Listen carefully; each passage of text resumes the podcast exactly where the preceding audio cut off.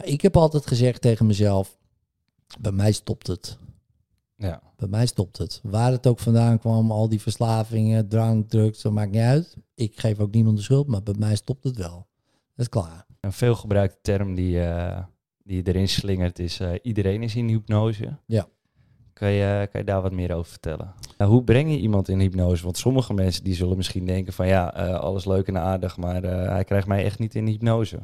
Welkom bij de Op Inspiratie podcast. Mijn naam is Jan Dekker en samen gaan we op ontdekkingsreis om ons leven vol tips en trucs nog leuker te maken.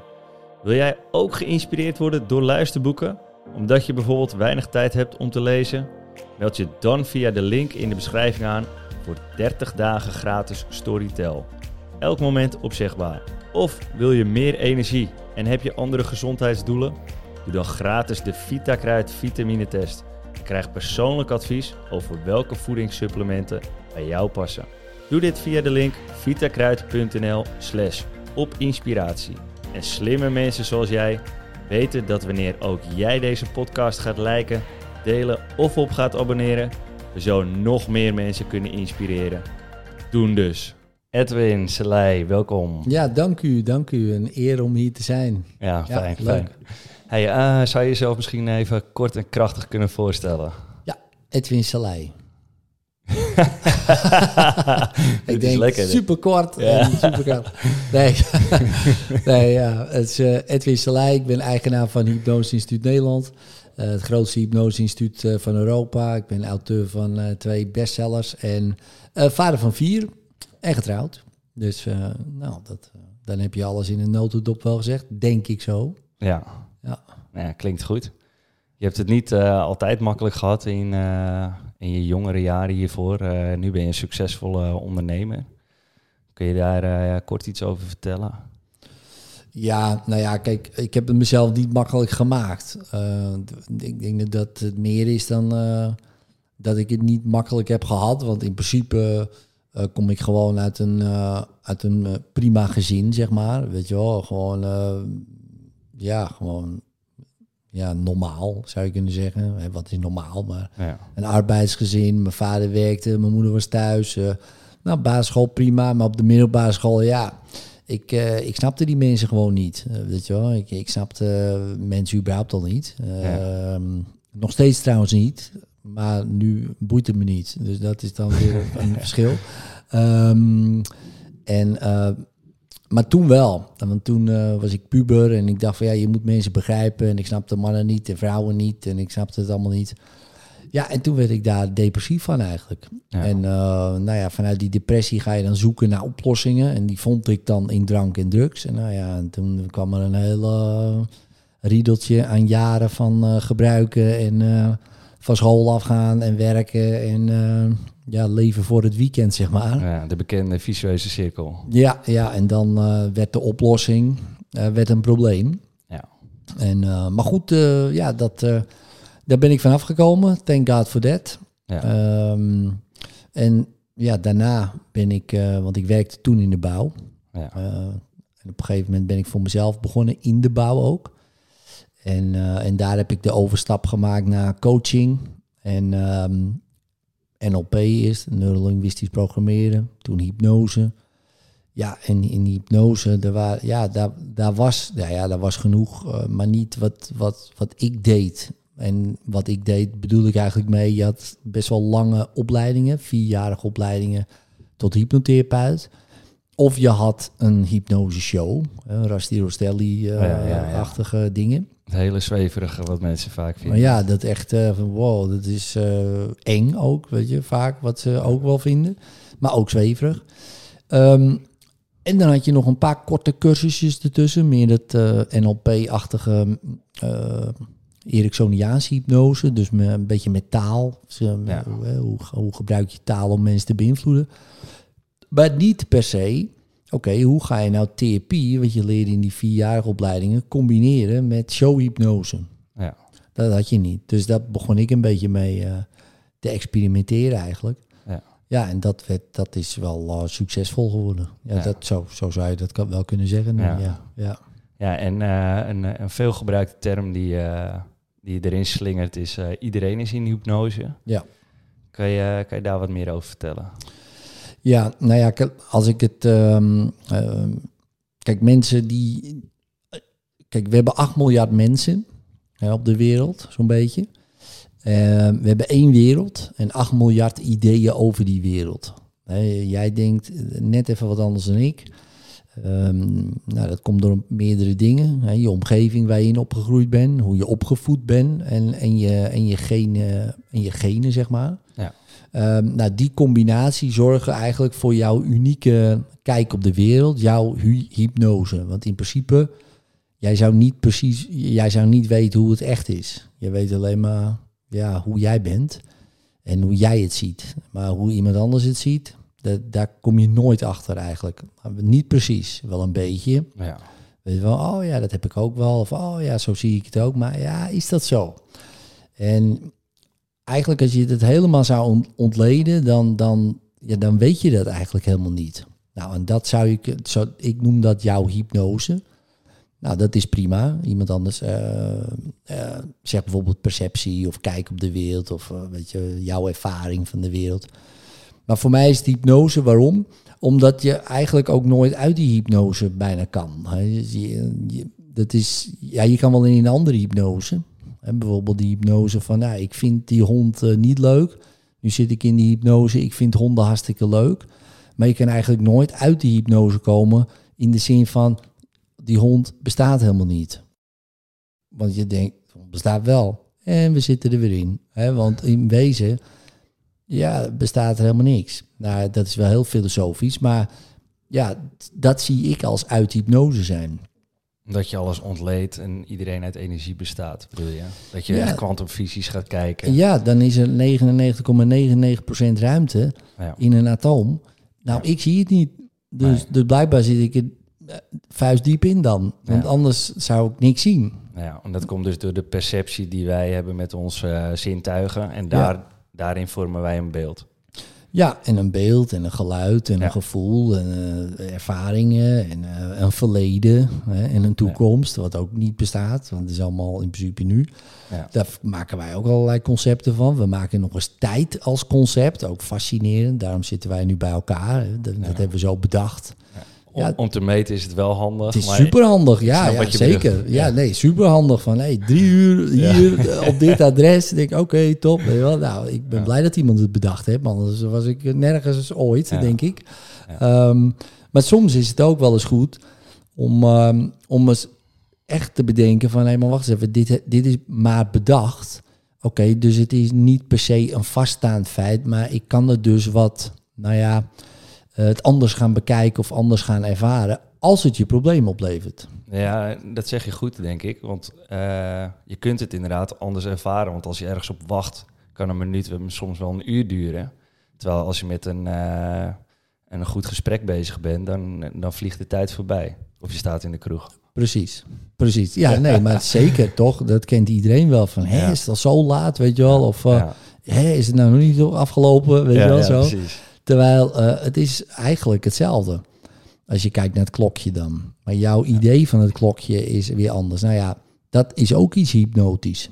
Ja. Hè, ook in hypnose zelf zou ik, eh, zien we ook vaak dat, ehm, dat mensen komen dan uit hypnose. Zijn bijvoorbeeld 50 minuten in hypnose geweest. En dan zeggen ze, hé, nou al klaar? Ik zeg, nou, je zat er 50 minuten in. Nee, ik zat er 50 minuten in. Het is, eh, 10 minuten of zo, 5 minuten. Ik zeg, kijk maar op de klok. Ik, hé? En sommigen die zeggen, die heb je zeker verzet, of niet? Nou, dat is een enkeling, want ze weten het wel. Maar ook daarin, daar krijg je zo'n time distortion. Hè, dus je een tijdsvervorming krijgt. En ehm, nou ja, dat, dat doen we ook al met onze geest. Ja, dus dat, dat, ja, dat zegt ook al best wel wat eigenlijk. Hè, over eh, hoe wij de wereld kunnen waarnemen, zeg maar. Ja. Ja. Ja. je hebt eh, een hoop praktische dingen erover geschreven in je, ja, je nieuwe boek. Je hebt het niet, eh, je doet het. Ja. Veel ook op eh, wetenschappelijke basis, wat ik zelf altijd eh, erg fijn vind. Ja, ja. Ehm, ja, je hebt het ook om het praktischer te maken weer over bijvoorbeeld frustraties of, of angsten. Stel nou dat iemand een, een angst heeft om te vliegen, om een lift in te stappen, om sportgerelateerd een penalty te nemen of een matchpoint te maken. Wat zou jij uh, nou, praktisch gezien zeggen tegen diegene wat zij moeten doen voor dat moment? Ja, nou ja, kijk, er zijn een paar dingen die je kan doen. Uh, misschien een hele belangrijke is uh, niet wachten tot dat moment. Hè, want dan ben je in het moment zelf en dan wordt het alweer iets lastiger, omdat je dan allerlei emoties gaat voelen en dan word je helemaal misschien wel overweldigd door allerlei dingen. En dan is best lastig om uit te zoomen van, um, om dan een oefening te doen. Maar van tevoren kan je dat wel doen. Hè. Dus laten we bijvoorbeeld het vliegtuig nemen. Uh, zeg van nou, uh, dan kunnen we een paar dingen vragen. Van oké, uh, bijvoorbeeld als je nu aan een vliegtuig denkt, wat gebeurt er? Stel je voor, iemand krijgt een reactie van oh, als ik er nou aan denk, word ik al gek bijvoorbeeld. Nou, dan doe je dat dus zelf. Dat heeft niks met een vliegtuig te maken. Er is helemaal geen vliegtuig in de kamer, weet je wel. En toch kan jij dat. Nou, dat is al best knap, hè, want er is helemaal niks. Hoe doe je dat dan? Dat is, uh, daar hebben ze soms nog nooit over nagedacht. Hè. Geen idee hoe ik dat doe. Nou ja, want kijk, ik denk nu ook aan een vliegtuig. Uh, ik maak daar bijvoorbeeld een beeld bij, of ik hoor daar een gedachte bij, of ik voel daar wat bij. Maar bij mij komt er geen angst. Hoe doe jij dat dan? Nou, en dan zie je vaak dat mensen of een ervaring pakken uit het verleden. Hè, van uh, ja, ik heb eens ooit eens wat meegemaakt en die film gaan afdraaien. een soort trauma. Een soort trauma. Ja. Um, of ze maken een beeld van een vliegtuig. Um, ja, wat niet zeg maar conform de werkelijkheid is. En dat is vaak zo met angsten. Hè, dus uh, als we kijken naar, naar bijvoorbeeld een hond, dan zien ze niet de hele hond in hun hoofd dan. Hè? Maar bijvoorbeeld alleen de kop van de hond. Of soms alleen maar de bek van de hond. En denk je, ja, waar is de rest dan? He, dus die ja. is er niet. En op het moment dat ze dat in hun hoofd zeg maar, gaan bedenken, om het wat verder uh, in te vullen, dat beeld. Dus zie je ook een kop, ja, zie je ook het lijf, ja, zie je ook een staart, ja, zie je ook een staartje heen en weer gaan. He, dus je laat het bewegen in plaats van alleen een stilstaan plaatje.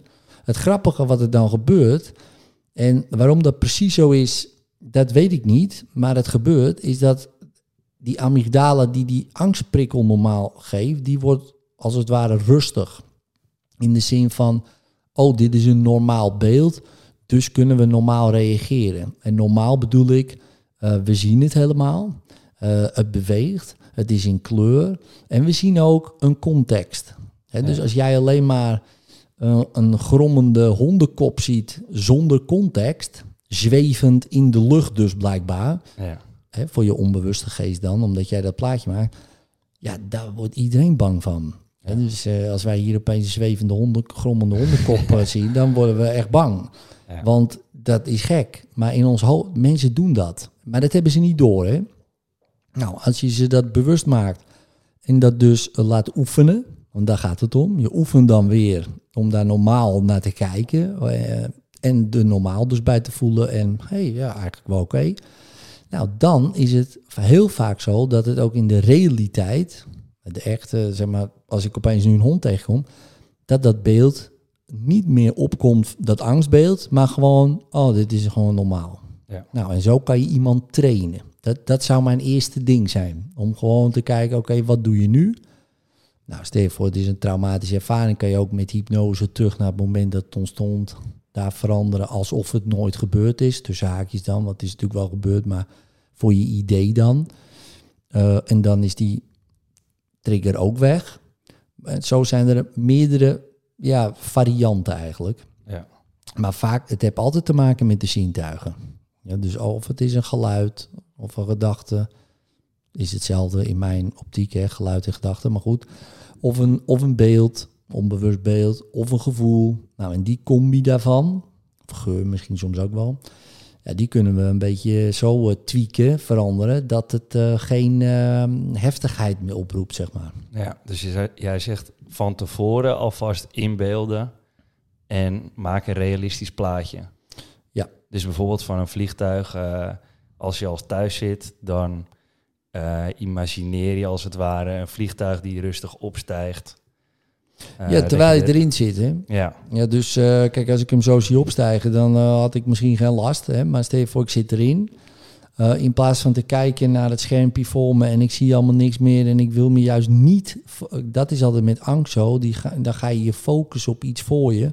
Om maar zoveel mogelijk af te sluiten. Want je denkt dat dat gaat werken, maar dat wordt alleen maar erger vaak. Ja. Dus wat je juist moet doen, is je helemaal openen. Maar dat is super eng, want je voelt je hartstikke bang. Ja. Dus wat je eigenlijk moet doen, is jezelf te dwingen om te kijken, wat is er allemaal nog meer? Hé, hey, er is een stewardess. Hé, hey, er zit een man met een hoed. Hé, hey, er zit een, eh, een babytje, is aan het janken daar. En dan komt er geluid bij. Hé, hey, eh, daar loopt iemand eh, zijn neus te snuiten. En dan is er een soort van bewegen. Nou, en, het- en is er ook een kleur? Is er ook een achtergrond? Hè? Wat zie je daar in de vet in het vliegtuig? Is er ook een voorgrond? Ja, ik zie ook mijn tafeltje. En opeens wordt het helemaal ingevuld. En dan, ja, 9 van de 10 keer wordt het meteen rustiger bij mensen. Denk je, oh ja. Oh ja. Als ik er zo naar kijk, ja, dan is het normaal. In plaats van, ik ga nu alleen maar kijken naar mijn tafeltje voor me. Ik ga me helemaal afsluiten. Alles wat er dan wel binnenkomt, komt tien keer zo hard binnen of tien keer zo heftig binnen. En, nou, en je focust je dus alleen maar op die paniekgevoelens. Nou, als je dan ook nog eens een keer olie op het vuur gooit van, nou, laat ik eens even heel goed bedenken hoe die in een vlammende vuurbal naar beneden kan storten. Nou, dan, hè, dan hebben we een perfecte strategie om ons echt heel shit te voelen de volgende drie uur richting Ibiza bij spreken. Of weet ik veel. Als je nog eh, naar Bali gaat vliegen, 17 helemaal uur lang. lang. oh mijn god. Dan, eh, ik ken mensen hoor, die, eh, die dat deden, ja. Die, eh, Ken iemand die ging dan naar Nieuw-Zeeland, naar zijn broer. Eén keer in de zoveel tijd. En die kwam gewoon like bleek aan, niks gegeten, helemaal verstijfd. Kwam, moest hij bijna uit het vliegtuig getild worden. Moest hij twee dagen bijkomen. In de wetenschap dat je ook weer terug moet. Ja. Nou, dat is natuurlijk de hel. Weet je, dan ben je een week lang, heb je daar last van in principe. Ja, dus je leert ze even wat meer om eh, ja, uit het spotlight-effect te stappen, als het ware. Dat Ja. ze niet meer die focus en aandacht eh, richten op alleen hun gedachten. Maar dat ze zich wat meer, eh, als het ware, de zaklamp verbreden naar hun omgeving. Waardoor die andere dingen niet zo hard binnenkomen. Precies, en dat kan je zeg maar nu in het nu doen. Nou, en dan heb je ook nog technieken waardoor je zeg maar de angst herinnering verandert, het verleden, of de angst toekomst. Ja, maar wat zou er gebeuren als dat? Nou, die beelden zijn vaak altijd een soort van filmische beelden of scènes die mensen creëren. Nou, die kan je allemaal aanpassen als een soort, ik noem het brein ook wel een soort Photoshop, weet je wel. Gewoon eh, om daar een beetje wat kleuren te veranderen, kleuren uit te halen eh, en daar een beetje mee te spelen. En dat brein kan dat gewoon. Ja, en het interessante is dat het dus ook effect heeft in, tussen haakjes, de echte wereld. Ja. En dan opeens kunnen mensen, misschien is het nog steeds niet hun favoriete hobby, weet je wel, vliegen. Maar het is oké, weet je wel. Eh, ik heb er geen super veel angst meer voor of, eh, eh, of dat soort dingen. Hè? Of ik neem nog steeds geen hond. Maar ja, als ik er een zie, ik loop geen blokje meer om. Ja. Weet je wel, ik loop er gewoon langs. Dus ja, dat is gewoon vrijheid natuurlijk. Ja. Ja, want dat schrijf je ook mooi in je boek. Hè? Het brein is plastisch. Je kunt Ja. eigenlijk een nieuw brein creëren. Ja, En dat doe je door, eh, door eigenlijk je neurale paden in je hoofd eh, opnieuw aan te leggen. Je Ja. geeft zelf een mooi voorbeeld daarover, over eh, de neurale paden die door je hoofd lopen. Dat zijn een soort snelwegen. Maar Ja. als je gedrag of gewoonte wilt veranderen, ja, dan zijn het eigenlijk een soort van bospaadjes die je nog steeds vaker ehm, ja, moet gaan bewandelen, waardoor het eerst een provinciale weg wordt. En Ja. daarna pas eh, een snelweg kan worden. Ja. En stel nou dat mensen bijvoorbeeld een, eh, een gewoonte willen veranderen hè, en eh, ze willen dat bospaadje in, maar ze hebben af en toe een terugslag. Hè, want die, die snelweg is natuurlijk snel, dat bespaart energie. Zo zijn we als mensen nu helemaal ingericht om die, eh, om die sneller te pakken. Stel dat mensen een terugslag hebben, hoe zouden ze daarmee om moeten gaan?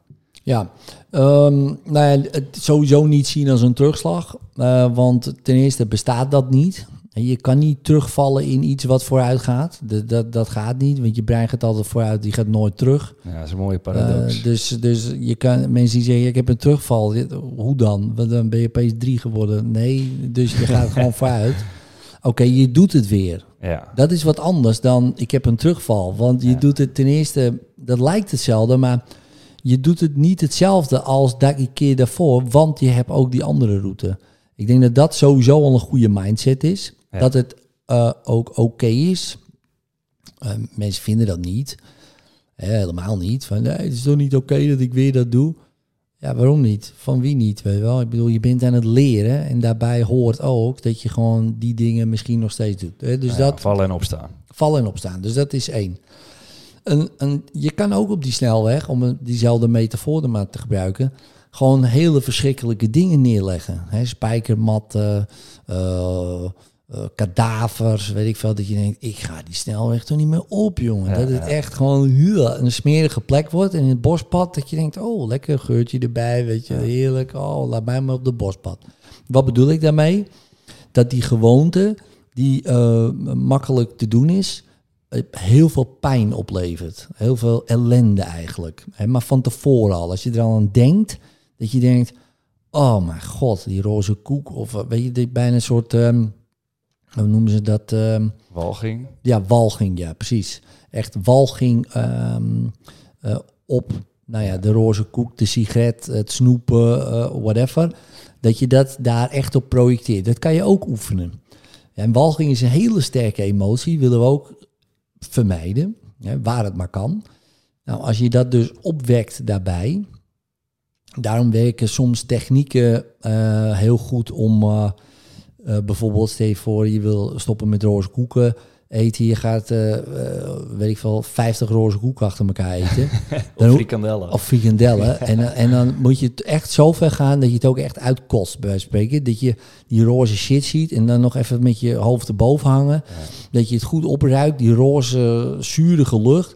Nou, de kans is vrij groot dat je dan nooit meer dat eet. Ik denk dat sommige mensen dit ook al. wel eh, kunnen voorstellen met een, eh een goldstrijkfles of zo. Dat ze, dat ze te veel shotjes hebben genomen van Ja. eh, een bepaalde liqueur.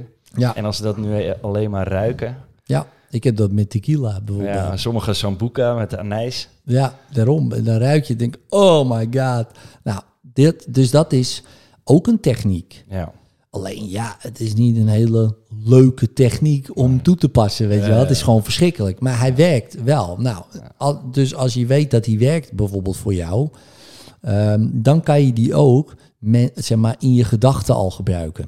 Want je kan het opwekken. Ja. Weet je wel, je kan als je een beetje je best doet eh, en je bent een beetje beeldend en je, bent, eh, en je haalt er wat gevoelens bij en je gaat echt, echt goed je best doen om dat allemaal eh, te imagineren, dan ga je dat dus, want daarmee maak je ook een neuraal pad. Ja. Hè, want het is niet dat je het mee hoeft te maken, dat je een neuraal pad, dat kan je, doe je ook door je gedachten, door te voelen, dus door te denken en door te doen. Eh, dus, want zo creëer je die paden. Ja. Nou, dus als ik de hele tijd alleen maar denk eh, en allerlei en zoveel mogelijk zintuigen daaraan koppel om eh, dat, dat verschrikkelijk mogelijk te maken, die gewoonte die mij wil stoppen, nou, dat kan helpen eh, om dat niet meer te doen. Maar je wil wel een alternatief natuurlijk. En daarom is dat bospaadje belangrijk eh, in den beginnen. Eh, dat je iets doet wat wel werkt voor je. En dat zo leuk mogelijk maken. En dan heb je twee. eh, dan heb je een wortel en een stok, zeg maar. De wortel van, oh, daar wil ik heen. En die stok, oh, als ik terug ga, word ik geslagen, bij wijze van spreken. Ja. Ja, dat zijn toch wel van die mechanismes. eh, ja, die kan je gebruiken. Ja. Weet je wel? En de, de een werkt voor de ander beter dan. dat is ook zo. Hè. De een gaat meer van de pijn vermijden dan de plezier verkrijgen. Of andersom. Dus ik ben ja, toch wel meer van de pijn vermijden dan van het plezier verkrijgen. ja, dat werkt toch het best voor je hersenen. Ja, dat is de, me- de meeste mensen doen twee keer zoveel om pijn te vermijden dan om Ja. plezier te verkrijgen. Dus ja, als je dat weet, eh, dan kan je dat inzetten. Nou, als je dan ook nog eens die andere motivatiestrategieën eh, erbij pakt, hè, zoals eh, wat geeft mij meer zin bijvoorbeeld, Ehm, het oefenen van een leuke gewoonte waardoor ik meer mastery ervaar en meer autonomie in mijn leven. Ja, dat helpt allemaal om dat zo'n soort van te consolideren om het goede te blijven doen. Maar vaak het begin is toch wel ja, heel simplistisch. Maak het anderen heel pijnlijk, Ja. anderen plezieriger. Ga dat plezierige vaak oefenen en dan krijg je die andere goede spullen erbij, zoals autonomie, mastery en zingeving. Ja, en dan kan je eigenlijk bijna nooit meer terug. Dan is het bijna onmogelijk weer om. Natuurlijk, en dan kan je natuurlijk wel eens een keer weer doen. Hè, dus ik eh, koop ook nog wel eens een zak M&M's, bij Ja. spreken. Maar ik zit niet iedere dag M&M's te vreten. Maar soms koop ik het en dan eet ik het. En dan denk ik, waarom? Hè? Maar ja, eh, dat gaat dan zo. Weet je wel. En dat is ook prima. Uh, dus um, ja, en dan, en dan is dat weer gepasseerd. Ja, ja. Ja je hebt het over die, die autonomie, hè, die vrijheid. veel mensen die ervaren dat soms niet in hun werk. En dat is vaak de reden dat ze in een burn-out terechtkomen. Kun je dat wat meer uitleggen? Ja, nou ja, kijk, als je, als je stelselmatig, want dat, daar gaat het vaak om, niet doet wat je leuk vindt. Hè, en daar bedoel ik eigenlijk mee wat zin heeft voor jou. Hè, want je kan het meest, wat, wat jij en ik bijvoorbeeld echt shitwerk zouden vinden, zou iemand anders echt geweldig vinden. Dus dat. Dat is weer die perceptie waar we het over zeker. hebben. Zeker. En dat is ook per persoon uh, verschillend. Um, maar het gaat echt om zingeving, autonomie en mastery. En ze hebben wel ontdekt, dat is ook aan het boek Daniel van Daniel Pink Drive wel ontdekt van uh, nou, als mensen iets doen wat zin heeft, en dat is voor iedereen verschillend natuurlijk, wat iets wat doen wat ze laat groeien, dus waar ze steeds beter in worden, dan vind je het ook leuker worden. Ja. En wat je op jouw eigen manier mag doen en kan doen, ja, dan kom je eigenlijk nooit daarin, strap je in die valkuil eigenlijk. Maar ja, de valkuil is vaak, je kan het niet op je eigen manier doen. Weet je wel, het moet, eh, dan kom je opeens met deadlines. Dus ja, uh, heeft dat zin? Nou, voor de een wel, voor de ander die gaat daar heel slecht op. Um, en ze gunnen zichzelf de mastery niet. Het moet nu al perfect. Ja. En als het niet perfect is, ja, dan is het gewoon, dan ben ik gewoon slecht. Dan gaan ze dat ook nog koppelen aan identiteit. Terwijl, nee, de groei zit hem juist in het beter worden. En niet in het perfect, want dat bestaat natuurlijk nooit. En ik denk dat dat ook mooi is juist. Uh, kijk, stel dat mensen van 0 naar 100 gaan in één keer. Dan is die waardering die je ervoor hebt en van jezelf, maar ook voor buitenstaanders misschien, net wat je belangrijk vindt, die is niet zo groot. Terwijl als jij een heel proces hebt afgelegd van 0 naar 100, dan is het voor jezelf veel meer waardevol om, om die 100 te bereiken, om het zo maar even te noemen. Ja, ook. En, uh, en je kan het ook vaak beter handelen. Ja. want stel je voor, je bent. Um, nou ja, je kijkt maar naar al die, die, die artiesten. Hè, bijvoorbeeld die echt in één keer beroemd zijn uh, geworden. Hè, bijvoorbeeld ja. Justin Bieber of zo. Of uh, nou, Britney Spears. Britney Spears, weet je wel. Die zijn allemaal op een gegeven moment gewoon... komen ze in een kliniek, worden ze... Worden het gewoon hele vervelende mensen. Volgens de buitenwereld. We zijn helemaal niet vervelend. Totaal niet. Ga zelf maar eens daarmee om. Als je naar buiten gaat. Van het ene op het andere moment liggen de mensen bij je in de bosjes. Word je gefotografeerd. Je wordt er helemaal knettertje van. En, want je ging van 0 naar 100. Dat is niet dat jij hebt besloten. Weet je wat? Ik wil echt gewoon, uh, weet ik veel, beroemd worden, bekend worden of wat dan ook.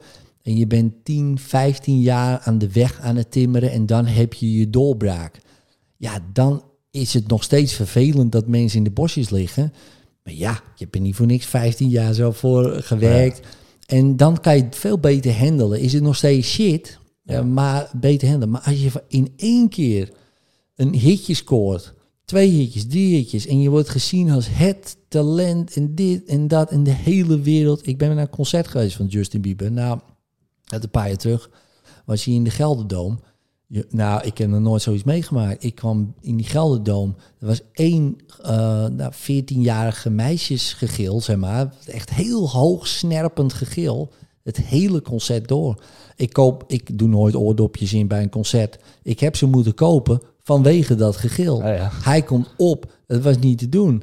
Hij heeft de helft, nou de helft, drie kwart playback die en hij doet een paar dansjes. Het maakt niet uit. Meisjes vallen flauw, worden afgevoerd. Ik zat er net te kijken. Ik denk, dit is gewoon niet leuk. Ook voor die jongen niet. Die jongen die zei op een gegeven moment, kunnen jullie even stil zijn? Want ik ben aan het zingen. Weet je wel, zo. Dat zei hij gewoon. Hij was echt gewoon een soort van pissed off. Hij denkt, serieus, heb ik het hier ook al? Ik denk, ja, nou, dat is dan je leven. Ja. En uh, ja, ik snap wel dat je, nou ja, ik snap, ik, ik, sta niet in zijn schoenen, maar ik denk dan wel, my god, dat is toch wel um, een ding. En dan snap ik wel dat je een soort van burn-out krijgt. En het ook heel moeilijk kan dragen. Nou goed, nu is hij wat ouder. Hè, dus en als je loopt hij tegen de 30 en gaat het beter. Want ja, dat is dit al 15 jaar zo. Dus je hebt op een gegeven moment een soort van gewenning. Maar ik bedoel maar, je kan eigenlijk veel beter in de luwte aan je mastery werken, Ja. eh, aan je autonomie en je zingeving, dat je dat een beetje voor elkaar hebt.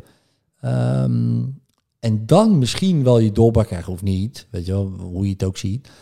Dat is vaak wel een stuk prettiger. Is het nog steeds wennen, maar je kan het dragen. Maar als je in één keer wat je zegt van 0 naar 100 gaat, ja, het is eh, liever niet hoor. Ik Nee. niet. Nee. Vroeger dacht ik dat wel. Dat ik, oh, dat lijkt me echt te gek. Nou, ben ik 47, denk ik, oh, ben ik blij man. Want ik had dat echt, ik had dat niet kunnen managen. Zeker niet, zeker niet. Nee. Hey, eh, even terug naar je, naar je boek. Maar we hebben het over een, eh, ja, een eh, soort eh, realiteit die er is, maar ook een vervormde realiteit. Ehm, nou, heb je ook bijvoorbeeld een mooi voorbeeld over eh, ehm, als er een kind bijvoorbeeld chocomel laat vallen. Nou, dan kun je op meerdere manieren reageren. Je kunt gelijk boos worden als eerste reactie, onbewust. Maar als je wat bewuster leeft, dan kun je ook naar kijken van ja, het gebeurt. En eh, het is aan mij de vraag, hoe reageer ik hierop? En nou ja, als je een beetje bewust bent eh, over je eigen patronen, dan kun je misschien rustig reageren dat het kind het niet expres doet. En dan kun je rustig een doekje pakken en eh, misschien heb jij wel iets laten slingeren waardoor het kind valt. Ehm, daardoor kom je ook op een soort pad terecht, wat ik wel mooi vind, die je schetst, is dat er eigenlijk nou ja, vrijwel geen schuld is. Eh daar gaf je ook een mooi voorbeeld over dat eh, er is bijvoorbeeld een crimineel eh, die pleegt een misdaad, die steelt bijvoorbeeld iets. Nou, dan zou je kunnen zeggen, oké, die crimineel die is schuldig, maar zijn moeder die heeft altijd aan de alcohol gezeten en bewezen is dat je dan 30% meer kans hebt dat je kind crimineel wordt. Dus wie is er dan de schuldige? De crimineel of de moeder? Maar als je weer verder gaat, ja, dan, kun je, dan kun je nog veel meer redenen gaan verzinnen. Eh, maar ja, we leven nu eenmaal wel in een, eh, een wereld vol schuld, eh, gevangenissen, strafsystemen. Wat, wat is jouw oplossing hierin? Nou ja, kijk, ik ben niet per se gelukkig, hoef ik geen oplossing aan te dragen. Dat, laat ik daarmee beginnen. Dat vind ik wel heel, heel prettig om, eh, om in, niet in die schoenen te staan. Maar als je kijkt naar welke oplossingen er worden aangedragen in de wereld, als we het hebben over het strafsysteem. En we kijken naar een gevangenis in Noorwegen bijvoorbeeld, eh, misschien ken je dat wel. Ehm, daar hebben ze gewoon een open gevangenis. Eh, de, de bewaarders hebben geen wapens. En eh, daar zitten gewoon zware criminelen, ook moordenaars, gewoon echt, echt mensen dat je denkt, nou, wel lekker dat je een stok bij hebt of een, of een, of een pistool. Ja. Nee, zeggen ze, vinden wij niet, want die mensen moeten ook weer terug. Die, ehm, dat is het enige de gevangenis eigenlijk, of het enige strafsysteem waar er minder, waar er heel veel niet terugkeren in de gevangenis. Nog steeds wel, Ja, Hè, maar in Amerika, bij spreken, komt bijna iedereen weer terug. Hè, eh, 98% komt geloof ik eh, weer terug. Of 90% komt weer Ja. een keer terug. Oké, tot later. Weet je wel, die, die worden vrijgelaten en ze weten al, nou, na drie maanden zien we hem weer bij wijze van spreken. dus ze zijn in Noorwegen meer bezig met eh, reïntegreren in de maatschappij. Ja, en het te behandelen als mens. Ja, Weet je wel? Dus ze hebben ook de stelling, kijk, ga je mensen behandelen als beesten, worden ze beesten. ja, Ga je ze behandelen als mensen, worden ze gewoon mensen. Ja, dus, dus in, wij stoppen ze in een kooi en dan verwachten we ze dat het gewoon normale mensen worden. ja. Dan stoppen we ze in een systeem waar een, eh, een, eh, een enorme hiërarchie heerst. Nou, als ik zeker als je kijkt naar, kijk, ik heb wel vaak van die series gekeken, hè, de gevaarlijkste gevangenissen van, ja, ik hou van geweld ja. en zo. Dus eh, ja, dit is Om te kijken toch? om te kijken, ja, om te kijken. Ik word daar heel rustig van. Ja, dat is heel gek bij mij, maar ik word rustig daarvan. Nou, dan zit ik naar te kijken en dan denk ik, ja, daar kom je toch nooit normaal uit. Dan zit je met z'n vijftienen in een kooi opgesloten. Hè, we zetten voor, we zetten jou daar neer. Je, je, je, je hebt eh, iemand doodgereden, je was bezopen. Nou, daar heb je echt heel veel spijt van. Het is echt, eh, echt heel stom geweest van je. Echt eh, verschrikkelijk. Nou, dan krijg je tien jaar cel in Peru. En dan kom je in, tussen tien mensen. Dat gewoon, die zijn levensgevaarlijk. Hey, wel trusten. Nou, en dan zit je, lig je daar dan. Nou, en dan, dan is het do or die. Ja. Weet je wel, jij moet je dan aanpassen aan het systeem daar. Stel je voor het lukt. Stel je voor, Jan, jij, jij kan je heel goed aanpassen. Je hoort bij een gang. Eh, je moet af en toe eens iemand neer schenken. Zeker, ja. Weet je wel, en al van alles en nog wat. En, ehm, maar na tien jaar ben je wel vrij. Nou, heb je nog steeds spijt van dat je iemand dood hebt gereden? Nou, misschien heb je er wel meerdere nog omgelegd om je eigen hachje te redden. En we zetten je weer gezellig terug waar je ooit werkte. Hè, gezellig op een school bijvoorbeeld weer. En dan, wat, dat is zo gek als je erover nadenkt alleen al. Dat kan toch gewoon niet? Je kan toch niet iemand eh, op die manier straffen? Want we straffen eigenlijk daarmee onszelf. Want die mensen, stel je voor ze komen terug. Ze zijn gewoon erger geworden dan dat we Ja. er eens in stopten. Ja. Ik bedoel, wat is dat voor systeem? Ja, ik vind dat fascinerend. Ja. En ik denk, ja, dat werkt dus niet. Nou ben ik dus niet van de oplossingen, maar ik kijk eh, wel bijvoorbeeld zoals in Noorwegen, wat wel werkt. Ik denk, waarom? Het is bewezen ook hè, dat het beter Ja, ja, werkt. zeker. Ik weet ervan. Je weet ervan, hè? ja. Ja. Maar ieder Europees land weet ervan. Ja, bijzonder toch dan, bijzonder dat ze dan denken, ja, maar dat Noorse mensen zijn natuurlijk hele andere mensen Ja, ja, ja. dan, dan andere mensen of zo. Ik weet niet hoe mensen dat vervormen. Maar, de- maar dat bedoel ik ook weer met zo'n vervormde realiteit. Weet je wel? Je ziet dat het werkt. En dan ga je dat toch vervormen naar je eigen geloof. Van ja, maar Noren zijn anders. Daar kan het wel. Nou, Portugal ook zo'n voorbeeld met verslaafden. Hadden ze vroeger, hadden ze de, nou vroeger 2002, het hoogste aantal verslavingen eh, van Europa. eh, heroïne eh, voornamelijk. Hadden ze al die junks op stations gezet. Stations waar, ze niet, eh, waar geen treinen meer kwamen. Eh, af en toe kwam er zo'n knokploeg ze afrossen. En eh, als ze maar daar bleven, weet je wel. Nou, dat hebben ze veranderd. In 2002 dachten ze van ja, we moeten die mensen socialiseren, weet je wel. We moeten ze weer opnemen in de gemeenschap. Hebben ze gedaan. Twintig jaar later het minst aantal verslaafden in Europa. Nou, dan zou je denken, nou top. Ja. Ze hebben het bewezen. Let's go. Gaan we doen. Niemand. Niemand, niemand, niemand doet het nog steeds. Nou, ik vind... Dus die, dus me, ik, ja, er zijn al mensen met geweldige oplossingen. Ja. Het, het wordt al uitgevoerd. Al jarenlang. Het enige wat wij hoeven te doen is kijken en kopiëren. Weet je wel? Ja, en ik, ja, ik vind dat fascinerend gewoon. Ja, ik, eh, ja dus, eh, dus daarom zeg ik, ik ben niet van de op. Ik denk, ja, dat is er al. Ja. Kopieer het Ja. wat werkt. vind ik sowieso altijd goed om te doen. ja, zeker om te kijken wat, eh, wat werkt. Klopt. Ja, toch? Ja, stel je voor je voetbalt. eh, je voetbalt toch ook, geloof Ja. ik? Ja. Nou, stel je voor, je zit bij iemand in een team... die op de een of andere manier, die kan hartstikke goed voetballen, weet je wel. En je denkt, hé, maar hij kan eigenlijk net zo goed voetballen als ik. Maar iedere keer, als hij een cornertje neemt... gaat het altijd perfect voor de goal. En ik snap er niks van. Dan ga je toch aan de vraag, goh, Hoe doe je dat? Hoe doe je dat? En dan gaat hij je dat leren. En voor je het weet trap je hem ook zo voor de, voor de, voor de goal. Nou, maar dan ga je er niet zelf lopen, lopen priegelen. Dan ga je vragen Aan van, een expert. aan- Ja, aan Ja. een expert. Ja. Ja. En dan denk ik, nou, dus dat is er allemaal al. Het enige wat iemand hoeft te doen, weet je wat? Wij gaan hetzelfde doen als in Noorwegen. En we gaan hetzelfde doen als in Portugal. En die junks, die gaan we integreren, zodat wij minder verslavingen krijgen. De gevangenen, doen we een open gevangenis, zijn te werken. Maar je weet nu al, iedereen die dit luistert, of dat je dit gaat opperen op een talkshow, dan zeggen ze, ja, heb je dat wel eens gezien in de EB, weet je wel, er lopen, eh, die, uh, Taki loopt er en dit, dat kan je toen niet opengooien. Dat zijn de eerste bezwaren. Ja. Dat hebben ze in Noorwegen ook gehad. Want dat hebben ze niet verdiend. Zeg. Ook, maar ook vinden ze levensgevaarlijk. Dan Ja. moorden ze iedereen uit. Nou, Ja. Dat hebben ze in Noorwegen natuurlijk ook wel gedacht. Ja. Nou, dan ga je, toch, ga je toch vragen aan ze. Hoe hebben jullie dat toen in het begin gedaan? Ik bedoel, dat is toch niet zo... Ja. Ja, ik snap dat gewoon niet, weet je wel. Heb je één Europa, blijkbaar. Maar ga je niet de goede dingen uit andere landen kopiëren, zodat het een beter Europa wordt? Ja. Nee, we gaan nog steeds die Fransen. Ja, dat is hartstikke goed wat het die Fransen doen, maar het meeste, ja, we- dat doen Fransen of dat doen Noor of dat doen. Denk ik, ja, dat vind ik wel zonde eigenlijk. Maar ja, goed, dat denk ik dan. Ja, ja hey, eh, je gaf net een mooi voorbeeld over, eh, over het voetballen. Dat je kijkt naar, eh, naar een ander en daar nou ja, expert in wil worden dan. Ook is er in het voetbal een eh, ja, algemeen begrip als eh, bijgeloof, eh, een soort placebo-effect.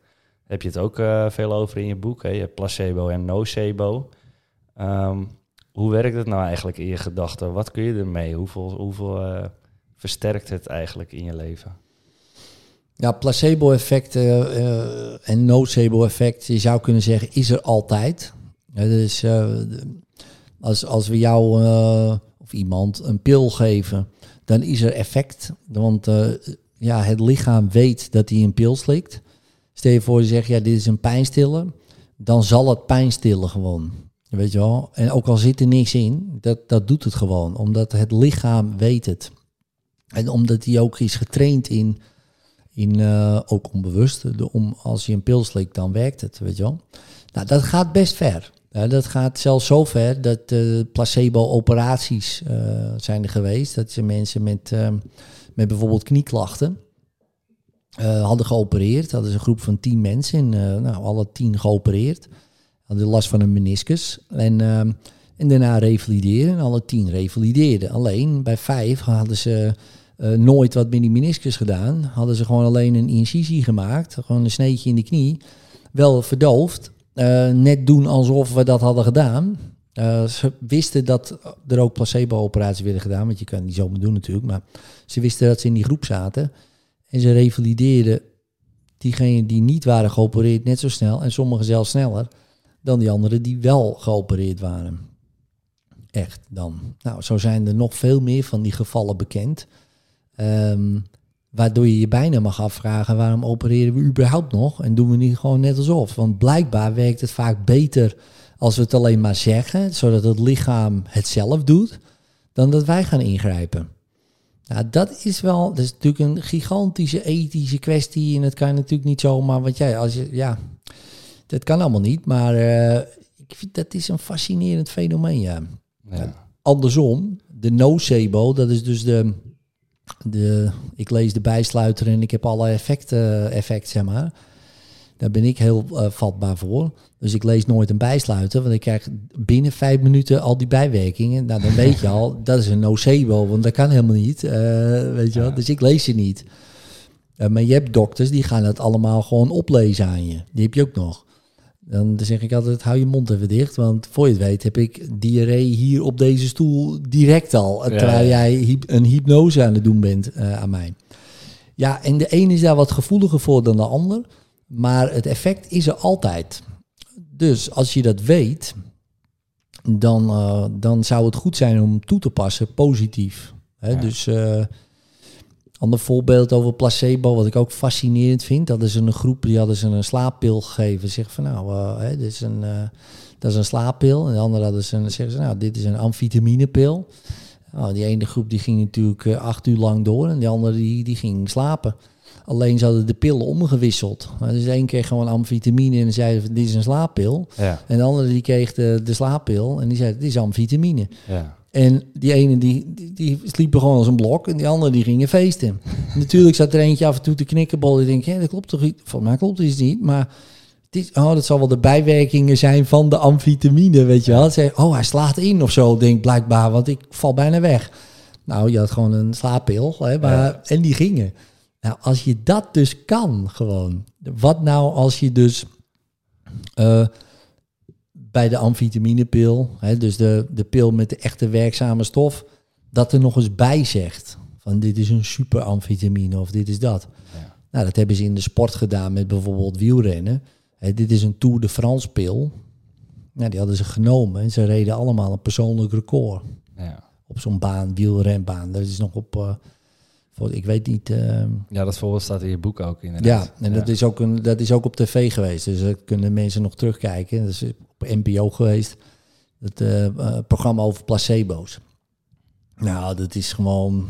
Er zijn op wetenschappelijke basis duidelijke effecten Absoluut, door ja. je gedachten. Ja, en kijk, in de farmacie... ja, door je gedachten... Um, ik denk zelfs door het lichaam. Het lichaam heeft natuurlijk een bepaalde intelligentie. Die weet dat er een pil wordt geslikt. Ja. En, uh, dus jij koppelt dat los?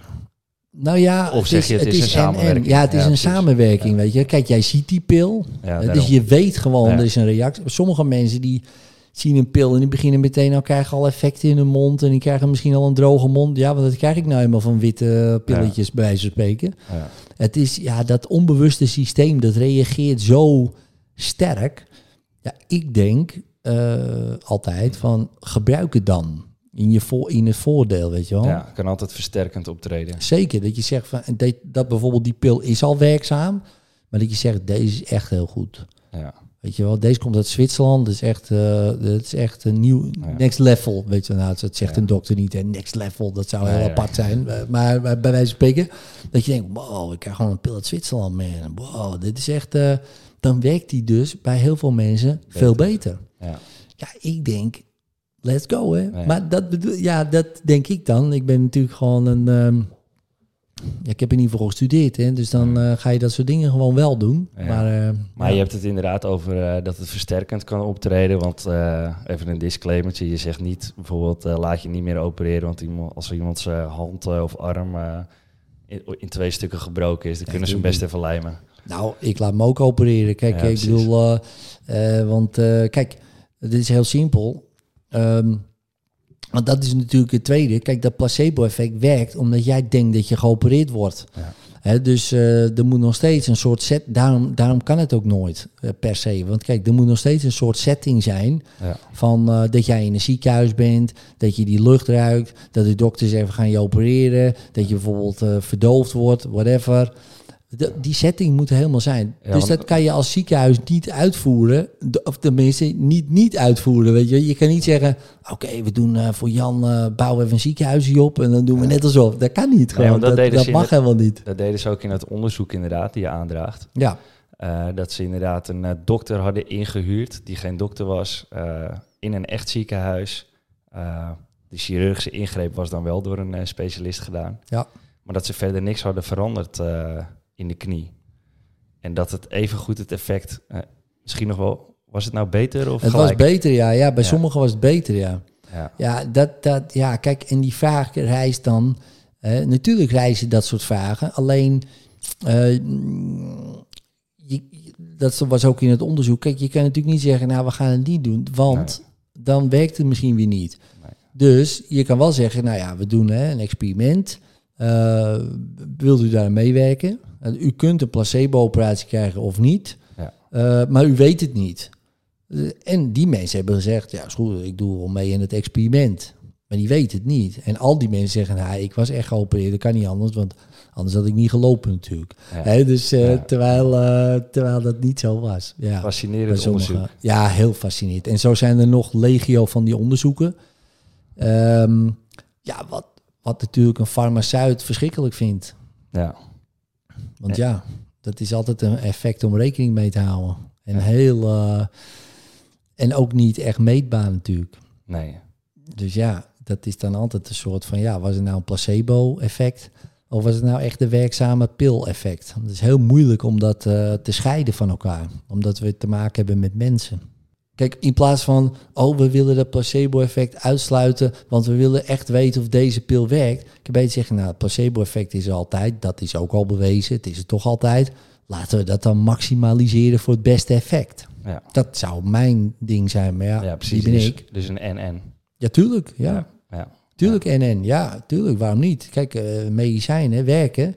Hè, dus ehm, ik ben niet per se tegen medicijnen. Ik ben ook niet voor de hele tijd iedereen maar eh, medicijnen geven. Maar ik denk wel van, nou oké, als je dan toch zo'n e- hypnotisch effect erbij hebt, nou, maximaliseer het dan. Ja. Want misschien eh, scheelt het weer een pilletje voor die persoon. Ja. Hè? In plaats van dat hij er twee, heeft hij er maar één nodig. Denk nou, top toch? Ja, voor iemand die pilletjes verkoopt weer niet. hè? Dat is Dus een dat- ander verhaal, ja. dat is dan weer ander. Maar voor, voor je lichaam natuurlijk wel. Ja. Hè? Je, kijk, een half pilletje doet minder schade dan een heel pilletje. Zo Ja. simpel is het gewoon. Nee, en, zeker. eh, ik denk, ja, als dat... eh, en het grappige is, denk ik... Maar dat is denk ik een angst ook... ehm, zelfs commercieel gezien... denk ik dat het alleen maar eh, dingen kan opleveren. Ja. Dus ja, maar goed... eh, wie ben ik? Ja, ja Edwin Selei hoorde ik dat aan het is het. begin. Edwin Selei, ja, dat is het. De man zonder oplossing. maar wel ideeën af en Ja. toe. Ja. Hey, je hebt het net over eh, het hypnotische effect. Nou ja, zelf eh, eh, maak je het wat minder zweverig naar mijn, naar mijn idee als ik je boek zo lees en je podcasts heb ge- geluisterd. dan, dan de meeste mensen hier een, een beeld over hebben met Rasti Rostelli en een buigende lepel en dat soort effecten. Ja, ja, hoe breng je iemand in hypnose? Want sommige mensen die zullen misschien denken van ja, alles leuk en aardig, maar hij krijgt mij echt niet in hypnose. Ja. Nou ja, kijk, het is mijn vertrekpunt dat iedereen al in zit, dus dat is lekker. Dus ja. daar hoef ik niks te bewijzen. En je hoeft ze er alleen uit te halen. Ja, die ze hun probleem noemen. Nee, maar goed, stel je voor, hè, we gaan echt een hypnotische inductie doen. Dan gaat het om uh, het opvolgen van suggesties en dat iemand precies doet wat ik zeg. Nou, wat bedoel ik daarmee? Dat ik tegen iemand zeg, nou, ga je, uh, ga even daar zitten, dat hij daar gaat zitten. Uh, doe je handen even op je benen, dat hij zijn hand op zijn benen doet. Dat ik volgzaamheid creëer en dat iemand op een gegeven moment um, nou ja, echt precies gaat doen wat ik zeg. En het woordje precies is daarin heel belangrijk. Dus dat bouw je steeds op? Ja. ja. En dit zijn simpele dingetjes die iedereen wel uit kan voeren. Maar dan komt op een gegeven moment iets wat ja, je bewust bijna, ja, dat is moeilijker uit te voeren. Dus bijvoorbeeld ga je oogspieren helemaal ontspannen tot het punt dat ze niet meer werken. Hè. Dus doe je ogen dicht, uh, ontspan je oogspieren tot het punt dat ze niet meer werken. Wanneer je zeker weet dat ze niet meer werken, dan test je ze en dan probeer je je ogen open te doen. Dus ja, merk je dat het niet lukt. Nou, en dan opeens denk ik, hé, hey, wat lukt niet? Test 1. Nou, dan zeg je, oké, laat me met rust. Laat het gevoel helemaal naar beneden gaan, tot het puntje van je tenen. Gaan ze ontspannen. Nou, dan laat ik ze dieper en dieper ontspannen. Dan komt de volgende test, is de amnesie. Kan jij getallen vergeten? Nou, op het moment dat je dat kan, op dat moment zit jij in een staat ja, waarin je bepaalde suggesties meteen kan uitvoeren. dus uh, dan is er bijvoorbeeld de suggestie of de instructie oké, ga nu naar het moment dat jij leerde lopen, voel je dan uit gewoon. En dan ben je daar. En dan ben je opeens een half jaar of drie kwart jaar, weet ik veel. En dan zeg ik, wat heb je aan? Hé, hey, kijk, heb mijn schoenje. Wat heb je moeder aan? Wow, ik zie mijn moeder en die heeft een groene jurk. En wow, dan ben je helemaal... Die mensen zijn flabbergasted. Want maar werkt dat bij iedereen? Of? Uh, iedereen kan het trainen, ja. Ja, het werkt bij iedereen. Maar je moet er wel voor openstaan, neem ik aan. Nou ja, kijk... Uh, als jij het nu Als ik tegen jou zeg, uh, ga daar zitten en je doet het niet... Ja, dan uh, haalt het al meteen op. Ja, precies. Ja, Dus ik vraag, wil je dat? En jij zegt ja of nee. Ja. En als je ja zegt, sta je er een soort van open. Ja. Maar of je echt open staat, dat zullen we nog zien. Hè? Dus in ieder geval een beetje. Want je zegt ja. Maar als iemand zegt nee, ja, dan, dan ga ik ook niet verder. Hè? Nee, precies. Zal ik, zal ik je huis schilderen? Nee. En dan ga ik gewoon beginnen met schilderen. Ja, dan hebben we wel een probleem. Nou, dat is met dit ook zo. Um, want waarom zou je dat dan doen? Ja, dus, uh, dus dat doe je dan niet. Dus iemand ja, moet. En openstaan is gewoon. Ja, dat wil ik wel, weet je wel. Nou, Oké, dan gaan we gewoon kijken hoe ver we komen. Want dat is het. Nu, in deze context. Want dat kan morgen ook weer anders zijn. Dat kan met een andere persoon anders zijn.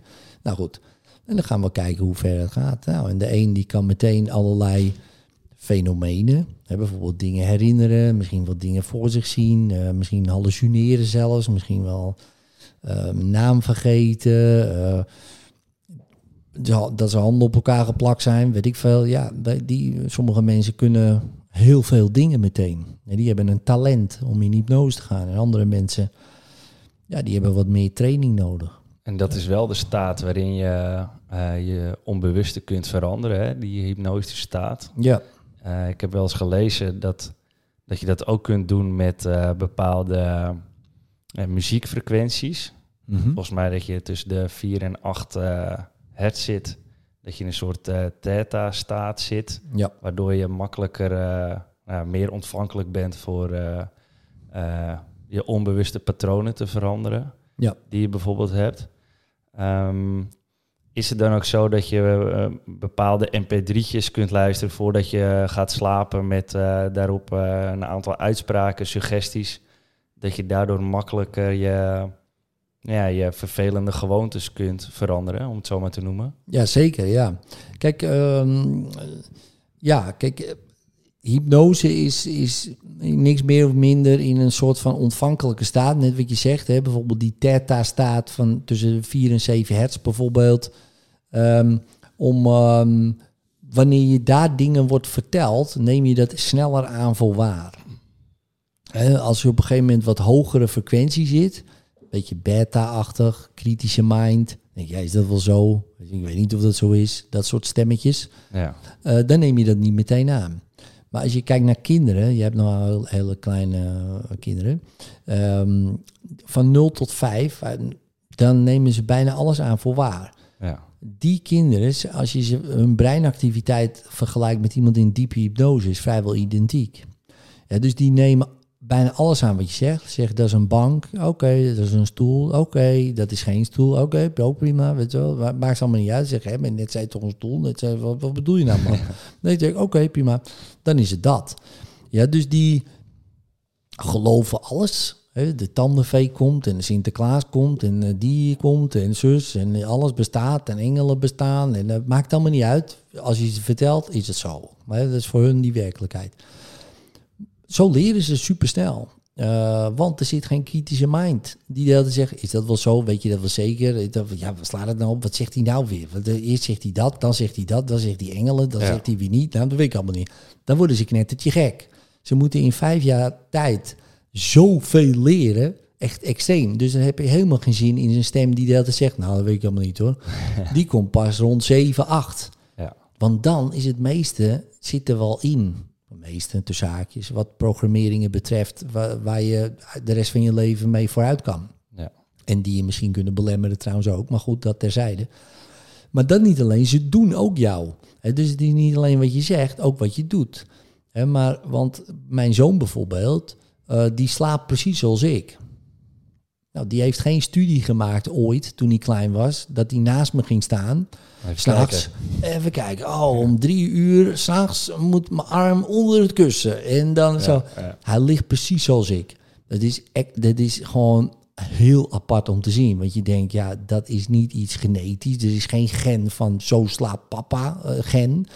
Eh, dat is gedrag. Maar hoe kan hij dat nou kopiëren terwijl hij dat nog nooit heeft gezien? Daar moet je maar eens over nadenken. Want als hij dat dus doet, wat kopieert hij nog meer wat hij niet heeft gezien? Ja. Nou, woede aanvallen misschien wel, gekke gedachten, overtuigingen die je hebt. eh, die, nou, dat wordt allemaal doorgegeven op de een of andere manier. Hoe precies, geen idee. Je zou kunnen zeggen, er, eh, het energetisch veld, het kwantumveld, nou, noem het allemaal, al die zweverige dingen. Voor mij is het heel duidelijk. Toen ik hem zag liggen, dacht ik, wacht eens even. Nou, als dit al wordt doorgegeven, Ed, misschien moet je heel hard nu aan jezelf gaan werken. eh, zodat, want daarmee geef je minder over. En ik denk dat voor iedere ouder is dat een enorme kans. Weet je wel, want het hoeft niet bij die kinderen vandaan. Hoe meer jij persoonlijk ontwikkelt en oplost in jezelf, hoe minder je doorgeeft. En dat zie je terug. Ja, ik heb vier jongens, zijn allemaal niet verslaafd, zijn allemaal niet aan de drank, allemaal niet aan de drugs. Terwijl ik op die leeftijd volle bak erin zat. Nou, dat heb ik omdat ik dat allemaal veranderd heb. Ze zijn niet depressief, ze zijn niet somber, ze zijn helemaal geen gekke gedachten, suïcidale gedachten die ik vroeger had. Nee, Maar zouden er nu niet mensen luisteren die denken van ja, ik, eh, ik heb zelf een kind die is verslaafd. Maar ik ben het niet. en Mijn man is het ook niet. nee, mijn ouders waren het ook niet. En, Maar ik bedoel, het patroon, zeg maar, hè, ehm, waardoor iemand eh, verslaafd is geraakt. Ja, wat, wat is dat dan? ja, dat is de vraag. Nou ja, precies, dat is de vraag, weet je wel. En ehm, ik zal ook niet zeggen, kijk, mijn vader, ehm, kijk, was niet zo als ik verslaafd aan de drugs, maar die dronk wel vaak, Ja. weet je wel. Dus je zou kunnen zeggen, was ook verslaafd. Eh, mijn opa ook, Ja. weet je wel. Maar dat was een soort van normaal, dat je iedereen dronk of zo, zoiets. Alleen ik kreeg er heel veel last van. Ja. Nou, kijk, bij wie het vandaan komt, Ja, het zou ook bij vrienden vandaan kunnen komen. Als, Ja, vri- je- als vrienden aan de druk zitten, dan, dan ben je ook meer ontvankelijk voor hetzelfde patroon waar je het over eh, hebt. Ja, zeker, zeker, Ja. zeker. Het is alleen wel interessant dat eh, er ook heel veel mensen geen vrienden hebben die drugs gebruiken. Ja, ja zeker. Ja, en ik Dus- had die dus niet. Nee, En nu wel. ja. En dat is ook interessant. Hè, want je zoekt natuurlijk wel de mensen eh, op een gegeven moment met wie jij wil omgaan. Die passen bij jouw patroon. Die passen bij dat onbewuste patroon. En nogmaals, er is geen schuld. Ehm, er is alleen een kans. Dus eh, het is niet zo van, oh ja, dus jij wil zeggen dat ik mijn kind verslaafd heb. Ik zeg helemaal niks. Het is misschien wel een uitnodiging om te kijken, goh, wat zou er in mij kunnen afspelen, waardoor dat had kunnen ontstaan zonder je daar schuld, want je kan er ook verder niks aan doen, Ja. dat het zo is gebeurd. Maar misschien kan je er nu wel iets aan doen, waardoor het misschien makkelijker wordt voor je kind om dat op te lossen. Nou, dat zijn alleen maar uitnodigingen. En het is best wel, ja, in het begin heftig om het zo te bekijken. Maar ja, voor mij is dit alleen maar lekker. Weet je, ik zie vier jongens om me heen. Ik denk, en soms denk ik, nou, het gaat lekker. En soms denk ik, hé hey Ed, ehm, je mag weer jongen, want eh, dan zie ik toch weer wat. Dat ik denk, oh, ik dacht dat ik dat toch had opgelost. Ehm, nou, en hoe meer ik dat doe, en mijn vrouw doet dat ook, ja, hoe meer wij steeds meer gewoon onze kinderen eh, op die manier vrij kunnen spelen van onze eigen generationele patronen. Die wij, die wij ook mee hebben gekregen, snap je? Maar ik heb altijd gezegd tegen mezelf, bij mij stopt het. Ja. Bij mij stopt het. Waar het ook vandaan kwam, al die verslavingen, drank, drugs, dat maakt niet uit. Ik geef ook niemand de schuld, maar bij mij stopt het wel. Dat is klaar. Nou, het is gebeurd. Ja, Gelukkig. Ik denk dat dat ook de beste eh, wijze is voor je kind. Hè, om zelf een goed voorbeeld te zijn. Je kunt wel zeggen, je mag dit niet, je mag dat niet, je mag dat niet. Maar door zelf een voorbeeld te zijn, eh, denk ik dat je ze het best kunt laten ontwikkelen, dagen later. Hè, want eh, er is ook nog een omgeving, vrienden, et cetera. waar ze ja, ook dingen in mee kunnen maken. Dat ze misschien van de leg raken, om het zo maar te noemen. Jawel, jawel, tuurlijk. Kijk, eh, je kan niks. eh, eh, als het zo moet zijn, moet het zo zijn, zeg maar. En je kan natuurlijk niet alles voorkomen. Daar, daar Ja. gaat het helemaal niet om. Het gaat erom dat hoe bewust ben je. Voor je als ouder zijnde bijvoorbeeld. En, en durf je op die manier naar jezelf te kijken. Ja. Kijk, wat mij altijd gefascineerd heeft, en dat ga je ook meemaken op school, jij als je met je kinderen naar school gaat. Het is fascinerend om die ouders te zien hoe ze met kinderen omgaan. En als ik vraag, en, en bijvoorbeeld de probleemkinderen, tussen haakjes, hè, eh, drukke jongetje, vervelende meisje, wat dan ook. En zeg, goh, de meisje, ja, vind je gek. Iedere ouder zegt, heb je die ouders gezien? Jongen, jongen, zeggen ze niet, ouders gezien? En andersom, ja, ligt niet aan ons, hè. Dus Ja. ja, die het kind heeft dit, dit, dit, stoornissen. Maar bij anderen is het altijd de ouders. Dus wat ik ermee wil zeggen, is van een ander zie je dit meteen. Denk je, zie je dat zelf dan niet, dat patroon? Je ziet toch dat als je je kind zo behandelt dat hij zo wordt, maar die mensen zitten midden in die hypnose, die zien dat niet. Maar als dat zo is, dan is het zeer waarschijnlijk ook andersom. Dat jij dat dus ook niet ziet en iedereen wel, al lang al van jou, zo van ja, vind je het gek dat je wel zo. Ja. Dus ik heb altijd al wel zo gekeken vanuit, oké, waarschijnlijk zie ik het niet, want ik zit er middenin. Ik zit ook midden in die hypnose, weet je wel. Ik heb ook geen idee. Maar als ik zie dat mijn kind op een bepaalde manier gedraagt, dan, dan ga ik wel altijd eerst naar mezelf kijken. Mijn vrouw doet dat ook. Van, oké, wat doen wij waardoor dat gebeurt? Ja. In plaats van, ja, hij heeft ADHD of hij heeft een stoornis of hij is autistisch of hij is dat. Dat kan allemaal. Hè? Ik zeg ook niet dat het niet zo is. Maar dat is niet mijn knierreflexreactie. Mijn knierreflexreactie is, oké, wat doe ik? Waardoor hij of zij zo is. Nou, en dat zijn uitnodigingen. Weet je wel? En ik zal ook niet zeggen dat het... Dat is niet 100 procent. Nee, want er, z- er zullen misschien ook ouders luisteren die denken... ja, ik voed mijn ene zoon hetzelfde op als mijn andere zoon. Ja, Maar de ene is echt een rebel en de ander die is vrij rustig. ja. Nou, ten eerste voed je ze niet hetzelfde op. Hè? Dus dat, eh, dat lijkt zo. Dat is, want bij de eerste doe je het heel anders dan bij de tweede. Ja, ik doe het precies hetzelfde. Dat is niet waar. Bij de eerste ben je vaak veel beschermender. Dit, dat. Vind je allemaal, oh jee, alles is de eerste keer. Alles is nieuw. Bij de tweede niet meer. Dus ben je zelf veel relaxter. De oudste is systemisch gezien ook. Dat is de soort de volloper en vaak ook, vaak ook de rebel. Vaak ook de leider van de roedel. Wij hebben er vier. De jongste, ja, dat is vaak de losgeslagen. Uh, joehoe, we krijgen alles Vrijheid. voor elkaar. En ik heb drie grote broers. Wat ga jij me maken hier op school? Ik heb nog drie broers hè, rondlopen, weet zo. Ja. Dat had die oudste niet, hè, bijvoorbeeld. In ons geval dan. En je ziet dat meteen terug. Hoe klein ze ook zijn, gewoon die manier van hoe ze met elkaar omgaan. Het is ook iets fascinerends. Maar ook daar, eh, dus dat is systemisch gezien dan. En systemisch is het welke positie, welke plek neem jij in? Hè? Dus ik neem de plek van papa, mama, maar je hebt ook broer 1, 2, 3, 4. Hoe gaan die met elkaar om? Nou, dat is een hele interessante symbiose, zeg maar. Maar daarin ook zie ik ook weer dingen terug, natuurlijk, van mezelf. Ja. Nou, en dat, daar kan ik wat mee. Kijk, ik kan alleen waar ik wat mee kan. Uh, en zij hebben natuurlijk ook hun dingen te doen. Je kan, niet, je kan niet alles, dat zou mooi zijn, dat je alles voor zich, dat gaat niet, want iedereen heeft zijn eigen pad. Ja, dat is ook weer mooi. Zeker, maar je kan ze wel zo vrij mogelijk dat pad laten bewandelen. Ja. En dat, zodat ze niet jouw pad gaan bewandelen. Want dat, ik heb het pad heel lang bewandeld van papa en van opa en dat soort dingen. Maar daar ben ik mee gestopt. Dus ik wandel mijn eigen pad. Nou, en ik wil ook niet dat mijn zoon mijn pad bewandelt. Nou, Ja. en dan, ik, dus ik moet het wel vrijmaken voor hem, zodat hij het zelf zijn eigen pad kan. En ik zie heel veel generaties, kinderen, die gewoon precies hetzelfde doen als papa en mama. En papa en mama zeer waarschijnlijk ook als opa en oma. En, en dan denk ik, ja, die groeien dus nooit op. Die worden nooit vrij. En waarom niet? Eén, kijk, één iemand hoeft maar te beslissen in die hele lijn. Oké, bij mij stopt het. Ja. Ik ga me het gewoon helemaal, helemaal ontwikkelen. Al doe ik een heel leven over. Interesseert me niet. Maar de rest is vrij. Nou, dat heb ik wel besloten. Maar niet alleen dat. Ik ben vrij. En niet eh, de rest. Ik, ik eerst. Dan de rest. je wel, net- zo een beetje ego. het, eh, maar- nee, maar dat is net als in het vliegtuig. Je moet eerst jezelf helpen voordat Ja. je iemand anders kunt helpen. precies, precies. Ja. Er zijn nog eh, twee dingen die ik wil bespreken. Je hebt een aantal eh, mooie praktische tips achter in je boek geschreven. Eén is hoe je bijvoorbeeld om kunt gaan eh, met, met een bepaalde angst die je hebt door middel van een ademhalingstechniek.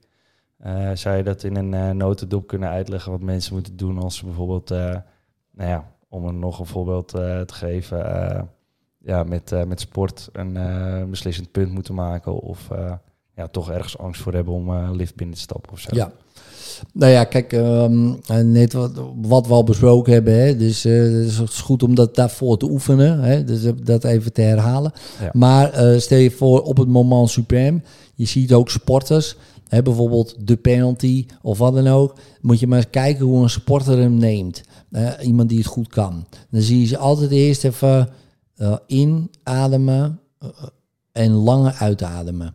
Hè, en eh, bij de, eh, dat noemen we ook wel een soort van box breathing. Hè, dus eh, dat komt ook bij de Navy SEALs vandaan, onder andere.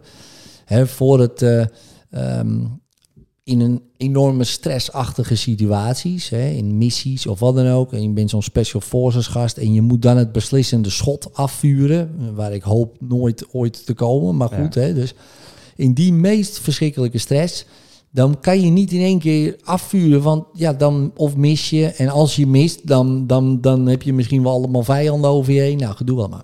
Dus wat leren ze dan in die extreme stress? Door eh, vier tellen in te ademen, vier tellen vast te houden, vier tellen uit te ademen en vier tellen vast te houden. En dat vier rondjes of net zo lang, minuutje, twee. Gewoon rustig. Tot, en dan gaat super snel, gaat je hartslag omlaag, je ademhaling normaliseert eh, en je wordt rustig. En dan doen ze het schot in dat geval. Dus dat leren ze allemaal daar. Nou, als dat daar lukt, in extreme, extreme situaties, ja, een lift is voor iemand die liftangst heeft ook zo'n extreme situatie.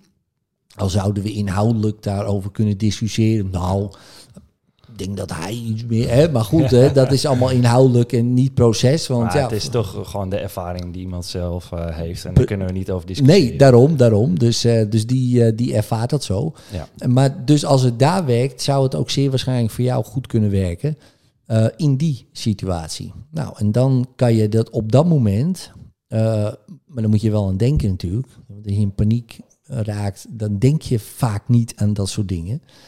Daarom is het goed om van tevoren te oefenen. Maar stel je voor, je denkt eraan, blaas dan eerst lange uit. Ja, want vaak door dit hyperventilatie krijg je meer zuurstof. Hè, dus een beetje de Wim Hof-achtige ademhaling. Eh dat is een prima ademhaling, behalve als je in paniek raakt. Want dan denk je echt gewoon dat je neervalt. Ehm, want je krijgt te veel zuurstof. Dat maakt je licht in je hoofd. Dat heb jij als trigger dat je dan wegvalt of neervalt of wat dan ook. Uh, dus moet je dat zuurstof moet eruit. Zoveel mogelijk uitademen. Vasthouden. Nou, dat is al heel moeilijk als je in een soort hyperachtige staat bent. Maar proberen. Vasthouden. Dan weer rustig in. Vast. Uit. Vast. In. Nou, en dat een paar keer. En dat gaat best wel snel dan. Dat je je onder controle hebt. Ja. Nou, als je dat blijft volhouden. En je zou echt in die lift stappen. en, en het doen dan zou het zomaar kunnen zijn dat je een nieuw pad creëert. Van, hé, hey, wacht even, ik heb dit gewoon geflikt. Hè? Ik sta gewoon in een lift. Redelijk. Niet ontspannen. Misschien ook niet zen. Maar gewoon, ik, ik, ik doe het. Weet je wel? En ik kan het hebben. Nou, dan begin je, dan heb je dus iets geleerd. Ja, en dat is best wel, uh, best wel heel cool als je dat kan. Nou, dan zou ik het nog een paar keer gaan herhalen. Dan zou ik weer die lift instappen en omhoog gaan. En dan zou ik het weer doen en weer naar beneden. En dan zou ik op een gegeven moment, als je daar een beetje aan gewend raakt, goede gevoelens gaan oproepen. En dus dan van wauw, gevoelens van trots of euforie of enthousiasme. Ja, want e- emotie is ook heel belangrijk om die herinnering te vervormen. Absoluut. Ja. Jazeker want uh, of ik nou panisch word van een lift of heel enthousiast. denk yes, ik wou met de lift in, weet je wel, let's go. Weet je, stel je voor je komt daar, ja, dan word je, ga, raak je er nooit nog in paniek. Ja, want angst uh, heeft uh, dezelfde lichamelijke effecten als enthousiasme. Daarom. je hartslag stijgt, ja. je kunt gaan transpireren, dat soort dingen. Het is alleen wat jij in je brein koppelt aan die gebeurtenis. Zeker, ja. En een van die kanten ga je op. Daarom. En, uh, en als je dan toch aan het trainen bent, ja, kijk dan of je eerst richting een soort van neutrale positie gaat van hé hey man, ik kan dit gewoon hebben. En kijken of je inderdaad naar dat enthousiasme kan. Ja, als je dat lukt, ja. dan ben je genezen, zeg maar, tussen haakjes. Halleluja. Ja. dus uh, nee, maar dat is top. Want dan heb je een nieuw pad gecreëerd. Uh, wat je ook weer kan herinneren als je weer de volgende keer van een lift staat. En misschien toch weer even een gevoel krijgt van, oh oh. En misschien wel excitement. Ja, dus exciting dan, uh, dan kan je zo de snelweg op, om het zo maar te noemen. Ja, dan zou je zomaar de snelweg op kunnen. Ja, ja zeker. Ja. Hey, het tweede dingetje uh, wat ik nog even met je wil bespreken was... Um, je zegt dat je positief tegen jezelf moet praten nou ja, niet moet. Hè. Uh, het is handig als je gewoonte wilt veranderen, ergens in, als je meer van jezelf wilt houden. Ja. Of uh, je wilt uh, een andere gewoonte veranderen, meer energie, ik, ik noem maar wat. Um, dat je in de spiegel tegen jezelf een aantal keer dezelfde zin herhaalt. En volgens mij je, jezelf in je linker oog aankijkt. Um, kun je dat wat meer toelichten? Ja, dat komt uit de hypnose, eigenlijk uit, uh, uit het mesmerisme. Mesmerisme is een beetje de klassieke variant van uh, het hypnotiseren. Um, uh, mesmerizing, hè, dus dat komt van Franse Anton Mesmer. Dat vond ik altijd fascinerend dat iemand zijn achternaam gewoon een werkwoord is geworden. Hè. Dat weten heel veel mensen niet. Maar dat komt gewoon van die man Mesmer, die heette zo. En het heet nu mesmerizing, dus dat is wel grappig. Maar die behandelde dus uh, heel veel mensen in de 17e eeuw uh, door middel van een paar dingen. Dus magnetisme. Dus hij liet ze bijvoorbeeld een staaf vasthouden in een badkuip. allemaal heel wetenschappelijk verantwoord toen, toen de tijd. Nu natuurlijk gewoon, oké, die gas was niet helemaal lekker voor nu. maar toen was dokter ook en hij genas heel veel mensen. Dus nou, prima fascinatie. De fascinatie is het kijken in, in het oog. Dus echt een, beetje, een, beetje, een beetje streng, heel intens kijken. Nou, dat doet wat met mensen als je lang in iemands oog kijkt. Gecombineerd met het magnetisme en ook um, uh, suggesties, hè, dus taal. Vanaf nu, ja. Eh, en eigenlijk heel direct. Hè, uh, genees of weet ik veel laat, een heel script. Of nou, of script, gewoon echt hele duidelijke instructies. Je doet gewoon wat hij zegt, daar kwam het op neer. Nou had hij ook de autoriteit, dat was de dokter en nou, een hele, hele ding bij elkaar. Nou, op een gegeven moment uh, nou, werd hij een beetje of werd hij onmaskerd eigenlijk als een charlatan. Dat is niet meer helemaal lekker gegaan met Mesmer. Die raakte een beetje helemaal, zijn ego was compleet gebroken. Maar goed, dat is weer een ander verhaal. Maar maar dat idee van dat, um, het fascineren in je oog kijken, ja, dat werkt wel heel goed. Uh, dus, uh, dus jezelf aankijken, zeg maar, en iets tegen jezelf zeggen. eh, werkt. En hoe weten we dat? Nou, je kan dat bijvoorbeeld eh, testen. Dus ga eh, tegenover iemand zitten, het liefst eh, met, eh, met iemand eh, die je ook wel eh, leuk vindt. Eh, want het geeft een hele diepe connectie. En, en ga maar eens vijf minuten gewoon iemand alleen maar aankijken, meer niet. De tantra eh, doen ze dat veel. Nou ja, kijk, daar, ja, maar dat, ja, tantra doen ze dat veel, Ja. maar wij doen het ook in de hypnoseopleiding. We hebben niks met tantra te maken, maar meer om te ervaren wat het met je doet. Ja. En dat geeft een e- extreme connectie met, met, met de persoon. Ja. Nou, als je dan tijdens die connectie natuurlijk gaat zeggen: Jij kan dit, jij bent goed, jij bent fantastisch, jij doet goede dingen. Dan komt dat zo sterk binnen. eh, ja, dat dat eigenlijk omzeil je dan die kritische mind. Dat stemmetje is helemaal weg. Dat bestaat niet meer in het begin wel. Oh mijn god, ik kijk me aan en wat doet hij allemaal? Zit allemaal dat nog tussen. Op een gegeven moment valt alles weg. En dan die suggesties geven. Nou, dat kan je dus ook bij jezelf doen in de spiegel. En dan eh, zeg jij, nou ja, ga bijvoorbeeld een minuut lang dezelfde zin tegen jezelf herhalen. Doe dat 30 dagen lang. Ja. En dan eh, ga je zeker eh, een merkbaar verschil eh, ervaren. Ja, Hè, bijvoorbeeld de zin bijvoorbeeld, ik hou van mezelf. Ja. Ja, Om meer zelfliefde te ervaren. ja, ja. Stel nou dat iemand meer energie zou willen. Wat zou je dan tegen jezelf zeggen? Dan zou je kunnen zeggen, je zou het in drie varianten kunnen zeggen. Dus iets wat je doet, hè, dus, dus voelen bijvoorbeeld. Ik voel me energiek. Eh, iets wat ik geloof. Dus eh, ik weet dat ik eh, heel veel energie heb. Dus ik weet eh, is geloof. En zijn. Ik ben iemand die veel energie heeft. Dus dan hebben we doen, geloven, zijn. Dus ook in die, dus ik doe iets, voelen, ik geloof, ja man, ik, ik, ik heb echt veel energie, weet je wel, dat geloof ik. Ik ben, ik ben gewoon energie, bij spreken. Ja. Hè, dus eh, in die en daarmee afwisselen. Een beetje in de context van eh Michael Pilatschik, what you imagine you become. Ja. Ja, dus eh, ja, dat je de stappen daarvoor alvast neemt en daardoor ga je je uiteindelijk zo voelen. Ja, en dan zou je nog dat andersom kunnen doen ook. Hè? Dus je wordt eerst gewoon wie je wil zijn. En dan ga je vanzelf de dingen doen die bij die persoon hoort. Ja, Dat kan natuurlijk ook. Ja, exact, dus eh, dat is net de andere kant op.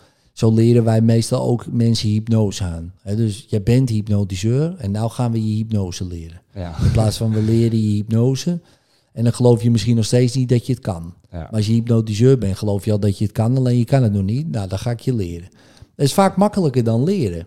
Dus dat is net als kinderen. Je zegt, ja, je bent nu politieagent. Oké. En dan doen ze gewoon dingen die een politieagent doet, weet je wel. Dat is heel Ja. grappig. In plaats van, oké, je gaat nou allemaal politiedingen doen. Oh, oké, hoe werkt dat dan? Dat is natuurlijk super moeilijk, want ik weet het niet. Nee, je bent politieagent. Oké, oké. En opeens kunnen ze het wel. Ja. Dus ik ben altijd daar heel erg van. van eh, ik ben een pianist, maar ik kan alleen niet piano spelen. Nog niet. Maar ik ga het wel leren. hè. Dus, en ja. dan leer ik het makkelijker dan eh, dat ik natuurlijk kan zeggen... ja, ik ga het proberen te leren, maar ik ben natuurlijk geen pianist, weet je wel. Maar, eh, ik ben trouwens niet eens muzikaal. Nou, succes Ja, hè, dan. ja. Maar als ik nu al tegen mezelf zeg... nou, ik ben muzikaal, ik geloof dat ook, dat ik muzikaal ben... Dus ik ga piano leren spelen. Ja, de kans dat je dan succesvol wordt is Nou, veel groter. Is het vele malen groter. En het Ja. is ook leuker. Want je weet, ja, ik kan het nog niet. Maar ik ben het wel. Dus nou ja, eh, op een gegeven moment... En op een gegeven moment is het ook zo. Ik, eh, zie je wel. Ik zei toch dat ik het ben. Ja, Ja, het is een goede zin die je gebruikt. Ik kan het nog niet. Hè? Veel Zeker. zeggen, ik kan het niet, maar als je Ik kan het gewoon nog niet, ja. precies, ik kan het nog niet. Ja. Dat is heel belangrijk. Ja, dus ik eh, had eerst bijvoorbeeld... eh, eh, met, tegen mij hadden ze gezegd... Ja, je hebt geen talenknobbel, weet je wel. Je bent niet goed in talen. Eh, daar was ik gaan geloven natuurlijk. Hè, want ja, dat heb één iemand gezegd in mijn carri- schoolcarrière. Dus ja, Vast herkenbaar voor veel mensen. dan heeft hij gelijk. Ja, ja, staat nergens op natuurlijk. Ja, precies. Heel herkenbaar, denk ik. Ehm, dus toen ben ik, eh, denk eh, vorig jaar dacht ik van... Oké, ik, ik ben wel goed in talen. Dus ben ik zo gaan denken. Dus als ik toch goed in talen ben, hè, want ik ben zo... die identiteit heb ik al, hè, de, maar ja, ik kan het nog niet. Eh, dan ga ik Chinees leren. Dus ik ben al meer dan een jaar al Chinees aan het leren. Ja, ja. Dus eh, nou, eh, het gaat steeds beter. Weet je Ja. wel? Ik kan wat dingetjes verstaan en ik snap het wel een beetje. Terwijl ik echt dacht, oké, dit is iets wat ik totaal niet begrijp. Die characters niet, weet je wel, die karakters. Ik heb geen idee wat ze zeggen. Ik snap er helemaal niks van. Ehm, ik denk dat ga ik doen, want ik ben gewoon prima goed in talen, weet je wel. Ja. Dus daar begon ik mee, met dat startpunt. En daarom doe ik het nu al een jaar lang iedere dag. Maar anders, als ik had gedacht, ik heb geen, ik heb geen talenknobbel en ik ben, ik ben niet goed in talen, Ja. had ik er nooit aan, ik had er niet eens aan begonnen. Ja. Ja, dus dat is soms ook misschien voor mensen handig, want het kan beide kanten dus op. Hè, dus je kan beginnen met doen en je wordt zo, of je gaat alvast gewoon worden en je gaat zo doen. Ja. Hè, dat is twee eh, dingen. Ehm, ja, en het een past beter. In de opleiding begin je wat gewoon, je bent het gewoon. Ja. En dan ga je het wel leren te doen. Ja. Ja, ik denk dat dat een eh, mooie samenvatting van het gesprek is. Dat je eh, door je perceptie eigenlijk heel veel dingen kunt versterken in je leven. Ja. Op de goede, de goede kant op, maar ook de minder goede kant op. Ja, ja En, zeker. eh, ja, het is net welke perceptie jij, waar jij voor kiest zeker. om, om de, de goede kant op te gaan. ja, choose wisely. Ja, ja zeker. Ja. Hey, ik eh, wil je hartelijk bedanken voor je gesprek. Ja, En, eh, dankjewel man. Mooie praktische tips heb je gegeven. En ik denk dat de kijkers, luisteraars hier eh, zeker wat mee kunnen. Verder gaan we ook nog drie boeken verloten. Ja, Dat zijn deze. Ehm, nou, je hebt het niet, je doet het. Er komen allemaal praktische voorbeelden in. nou ja, naast de voorbeelden die we net ook al hebben besproken. Ja staan er ook in. Dus eh, met, met nog meer. Ja, Ja. zeker. Ja. Eh, hoe maak je kans op dit boek? Dat is door eh, ons allebei te taggen in jouw Instagram-verhaal of Facebook-verhaal.